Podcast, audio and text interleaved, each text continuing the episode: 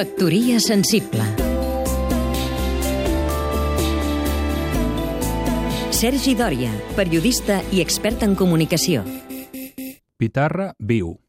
Lluís Pasqual va arrebossar els feréstecs de Goldoni amb la carrinada de casa nostra i Jordi Prat torna a treure partit del català retro amb liceístes i cruzados.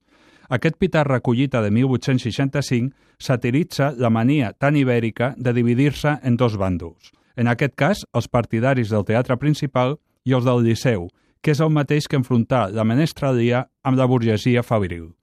Liceístes i cruzados s'expressen amb castellanismes i heptasíl·labs espaterrans. Destaquem Pep Sais, un pare cruzado molt cursi que enyora l'òpera d'anys atràs i vol col·locar la filla a un nou ric amb els dits carregats d'anells que és un liceísta camuflat. Anna Moliner, en el paper de la nena, conjumina la comicitat amb una portentosa vocació musical.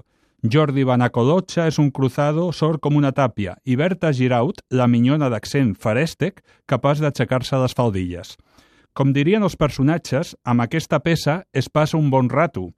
Un es pot venjar de la bugada noucentista que va perdre tants llençols de la parra popular. En recuperar Pitarra al TNC, Xavier Albertí demostra que el vuitcentisme és quelcom més que arqueologia. A hores d'ara, Pitarra podria dedicar una bona gatada al procés català. En podeu gaudir fins al 9-N. Casualitats de la vida. Factoria sensible Seguim-nos també a catradio.cat